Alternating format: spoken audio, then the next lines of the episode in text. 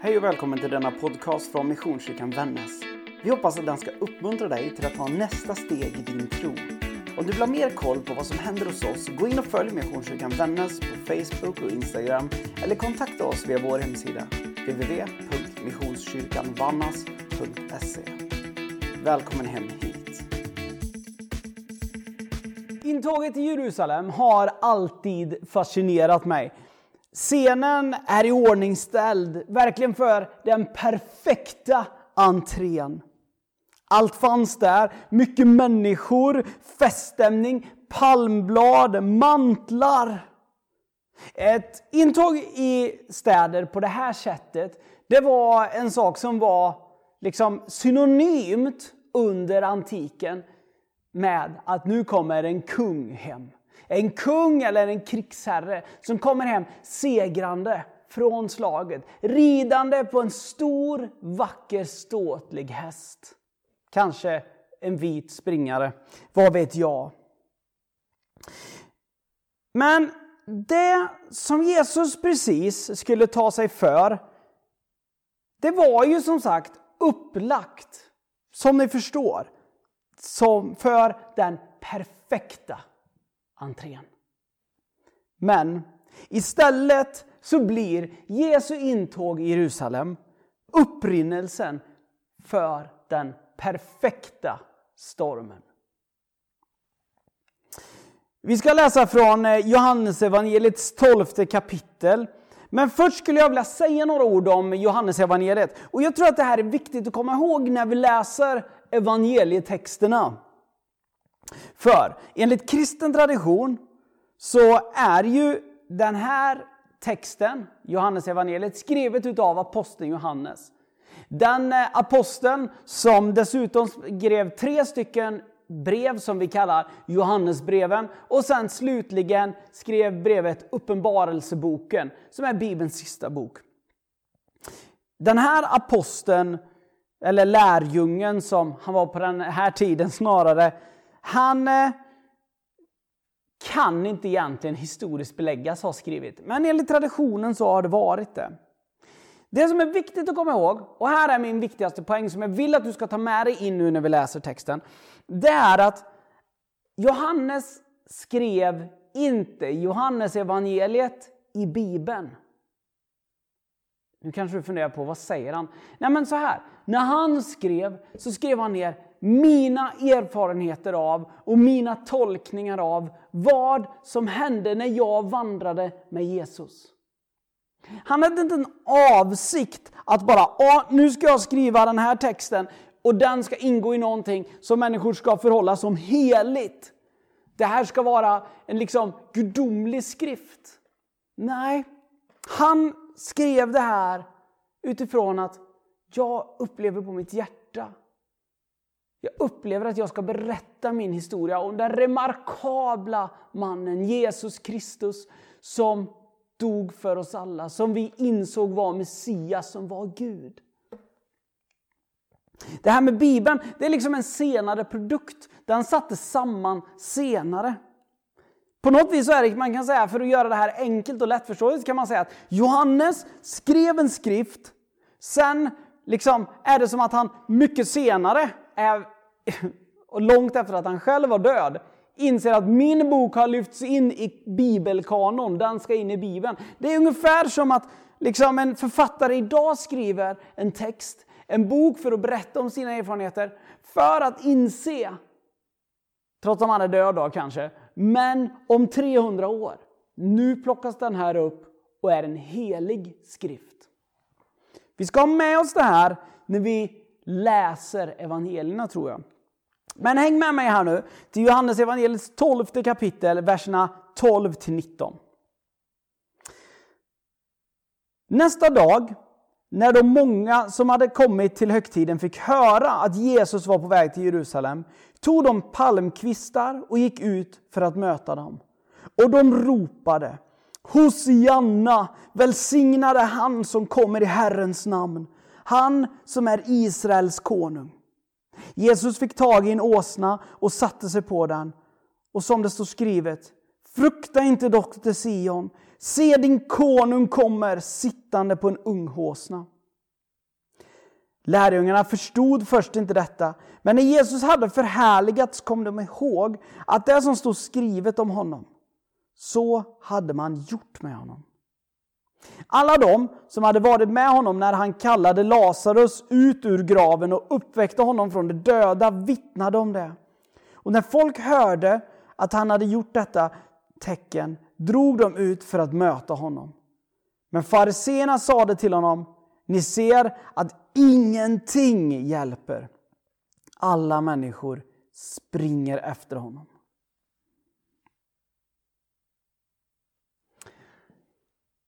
Så, för att reda ut det här då, för att liksom sätta upp scenen för er, liksom för att få det framför sig. Jesus kommer inridande på en åsna. Har du någonsin sett en åsna? Åsnor är små djur som är rätt jobbiga djur, alltså de skriker och sådär. Men de är bra, tappra arbetsdjur och framförallt på den här tiden så var de betydligt mycket billigare än en häst. Man kan säga att det är själva motsatsen till det där jag beskrev tidigare, är den här stora, ståtliga, potentiellt vita hästen då.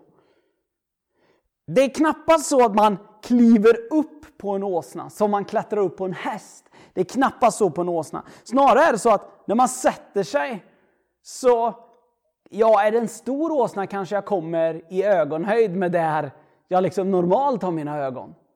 Men jag blir knappast längre. Ibland är det snarare som att man kliver ner. Med andra ord så kan vi säga att det är själva motsatsen till att så att säga sätta sig på höga hästar. Själva motsatsen gör Jesus när han sätter sig på en åsna och rider in i Jerusalem. Så långt åsnan. Sen har du det här med palmkvistarna. Hur ska vi förstå palmkvistar? Jag vet inte, har du någonsin varit med om det där att man tar någonting och viftar med? Alltså, jag förstår att det här är lite generationsfråga, men någonstans, många i min generation i alla fall, så jag är född i slutet på 80-talet, vi har inte kanske varit med om så mycket där man står och vajar med flaggor och det är feststämning. Men jag tänker, man har ju sett bilder ifrån 17 maj i Norge när de firar sin nationaldag. Och det var fullt drag ut med Karl Johan i Oslo. Och de står och vevar med flaggor och firar att det är nationaldag. Samma sätt så poppade en bild upp på mig i, i förberedelsen av det här och det var när de inviger järnvägen i Rasmus på luffen och kung Oscar den andre kommer på besök för att inviga och klippa band. Då står barnen där och viftar med svenska flaggor och med blommor. Det där att vi viftar med någonting för att liksom peka på en stolthet, peka på något upplyftande. Det är en gammal tradition. Men om vi också då tar in vad har palmen för symbol i det här? Så är det så att palmen var en viktig växt i antiken. Det var det absolut vanligaste takbyggnadsmaterialet när det kommer till framförallt enklare hem. De var väldigt ofta byggda av palmblad. Men det finns också fler saker som ger bilder som gör det enklare för oss att förstå. Och det är att i de antika olympiska spelen, alltså de som var way back, alltså även före Kristi tid, där var det så att vinnaren i dem fick en palmkvist. Det var liksom som en sorts guldmedalj. Man får ju säga att vi har levlat upp det och gjort det lite häftigare idag. Man får en medalj kanske. Men på den tiden så fick man en palmkvist. Så när Jesus red in i Jerusalem så viftade människor med palmkvistarna. De viftade för att segraren har kommit till staden. Det var segraren. För de begrep profetian. Alla människor som var där, det beskrivs som att de förstod, de kände igen vad profeten hade sagt och vem han är när han red in på den unga åsnan. Sen så kan man ju fråga sig, var det här alltså kutym även i Israel, i Jerusalem? Att man viftade. Johan, du beskrev ju att det var i, i Grekland så under de här olympiska spelen. Hade det spridit sig? Nej, men här ser vi ytterligare ett spår. Och jag, när, jag, när jag pratade tidigare om det här med evangelierna. Johannes evangeliet är ett sånt evangelium som tydligen ar tydligt arbetar med för att människor som har en icke-judisk bakgrund ska förstå. Med andra ord, och många tror att det är skrivet och liksom på något vis till församlingen i Efesos. Efesos låg i Grekland, om jag inte missminner mig nu, det kan jag ha gjort, men i Grekland. Och vad gör man då? Ja, man än tydligare betonar palmkvistarna. Och med all välvilja, jag vet också att det här berättas i alla evangelier. Så att det här är ett sätt att förstå att i antiken var det en viktig bild. Det här är, det här är inte någonting som vi bara kan utesluta lite lätt. Alla talar inte om mantlarna. Det är det bara vissa evangelier som gör. Men det är en annan historia. Även fariseerna som stod här då, de är kopplade vad Jesus gjorde, de hörde hur han hyllades. De hörde även om det här talet om att han hade uppväckt Lazarus från de döda. Det här skavde i dem och med facit i hand så vet vi att de där orden de säger att ni ser att ingenting hjälper, ingenting vi gör för att hindra honom hjälper. Alla människor springer efter honom. Vi vet att det här är upprinnelsen till den perfekta stormen. Och med den perfekta stormen så menar jag en sån där händelse, ni vet, där små sammanslagna händelser, olika stora, olika skeenden pusslas ihop och till slut så har man en oundviklig katastrof framför sig. För på ett mänskligt plan så var det här en fullkomlig katastrof. På ett mänskligt plan för människan Jesus från Nasaret så innebar intåget i Jerusalem början på slutet. Jag har många gånger tänkt på det där. Kan ni förstå, liksom, redan där så, självfallet så vet vi det att Jesus har hela tiden tänkt att jag ska dö. Det, det har han nog haft med sig hela tiden. Men här så blir det nog skrämmande tydligt. Jag tror att människan Jesus nog har gått och hoppats. Hoppas det här vänder. Men han sitter där på sin åsnerygg. Knappast den där messiasgestalten som människor hade hoppats på, men som profetian hade talat om. När han rider in där så är det början på slutet på människan Jesus.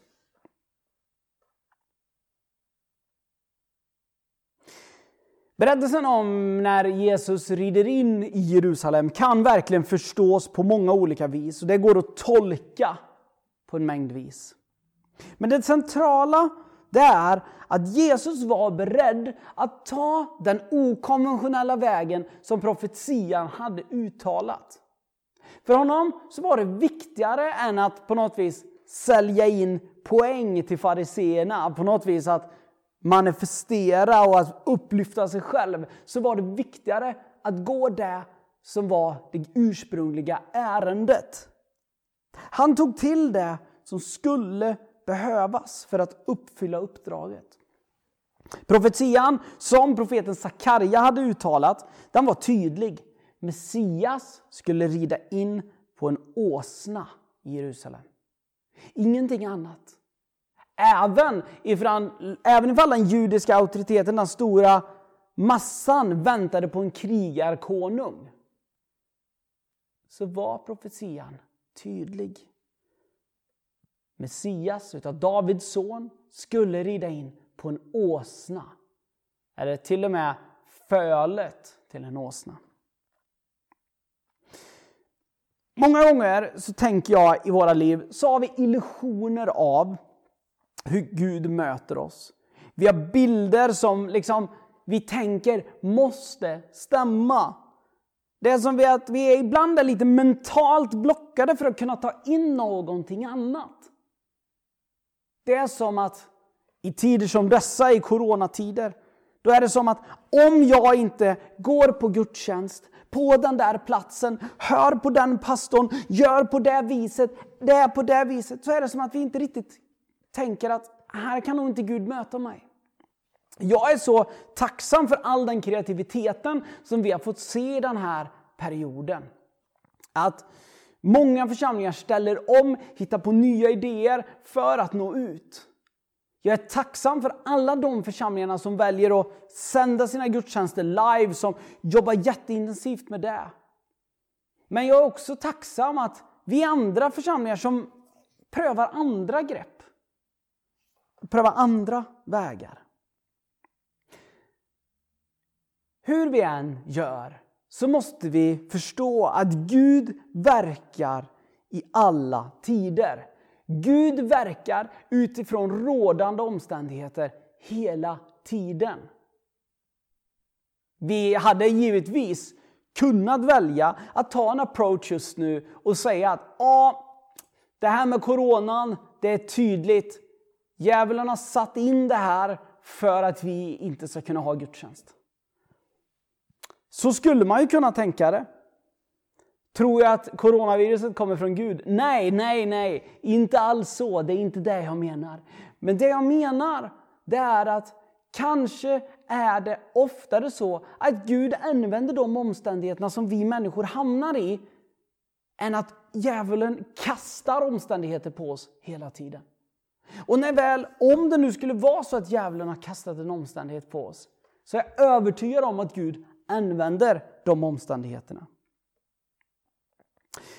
Den profetian vi lever efter idag, det är det verket som Jesus gör under påsken. Det är liksom det som är våran väg framåt just nu. Att Jesus ska nå ut till alla människor, att, att Jesus har dött för varje människa för att vi ska kunna ha liv och liv och överflöd. Den verkligheten är samma igår och idag och evighet. Jesus är okonventionell nog att ta till den metoden som behövs i varje specifik tid för att profetian ska slå in. Jag är övertygad om att i en sån här tid så kan du och jag än mer få vara händer och fötter åt Gud. Jag skulle vilja fråga dig idag. Tror du att Jesus kan möta även dig sittandes på en åsna? Tror du att han, rent bildligt talat då förstås, kan kliva rakt in i ditt liv just på det sättet? Min fasta övertygelse det är att Gud kan möta dig där du är. Utifrån de konsekvenserna du sitter i, utifrån de omständigheterna du sitter i. Oavsett om du är isolerad i ditt hem. Oavsett om, om du är sjuk, om du är frisk, om du är svag, om du är stark. Så kan Gud möta dig där du är. Jag är övertygad också om att Jesus framför allt möter oss sittandes på en åsna. Jesus må vara Gud. Han må vara guld och gröna skogar.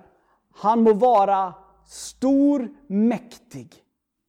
Men jag tror inte på den guden som kommer sittandes på höga hästar. För den guden som mitt, det evangeliet jag läser i alla fall, den bibeln jag läser förkunnar om, det är en Gud som har sår. Som kommer ridandes på en åsna. Detta barnsligaste av djur på denna jord. Han kliver ner och möter dig och mig i ögonhöjd. Återigen, är du beredd att låta Jesus rida in i ditt liv med det för att möta det du behöver här och nu? Är du beredd att han skulle få göra det på det sättet han vill? På det sättet som han vill möta dig? Snarare än utifrån vad du är van vid. Förväntar du dig vackra, ståtliga hästar? Eller kan du acceptera att din frälsare kommer till dig på ett lastdjurs föl?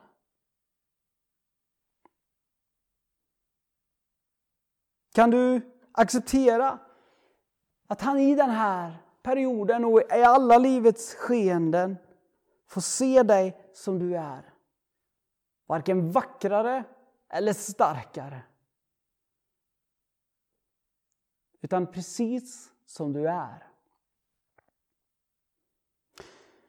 Den här påskveckan som vi nu går in i skulle jag vilja uppmuntra dig att hänga med i påskens texter. Jag och pastor Daniel här i församlingen, vi har satt ihop en enkel bibelläsningsplan där vi följer eh, Johannes texter från idag, palmsöndagen, och hela vägen in till påskdagens uppståndelse. Jag skulle vilja uppmuntra dig att du hänger med på dem. De finns i det här sammanlagda andaktsmaterialet som vi har producerat nu eh, till följd av det här coronaviruset och att vi inte kan fira gudstjänst som vi är vana vid. Det finns på vår hemsida och är du med i församlingen så har du fått det hemskickat. Men jag skulle verkligen vilja uppmuntra dig att du följer med den här veckan.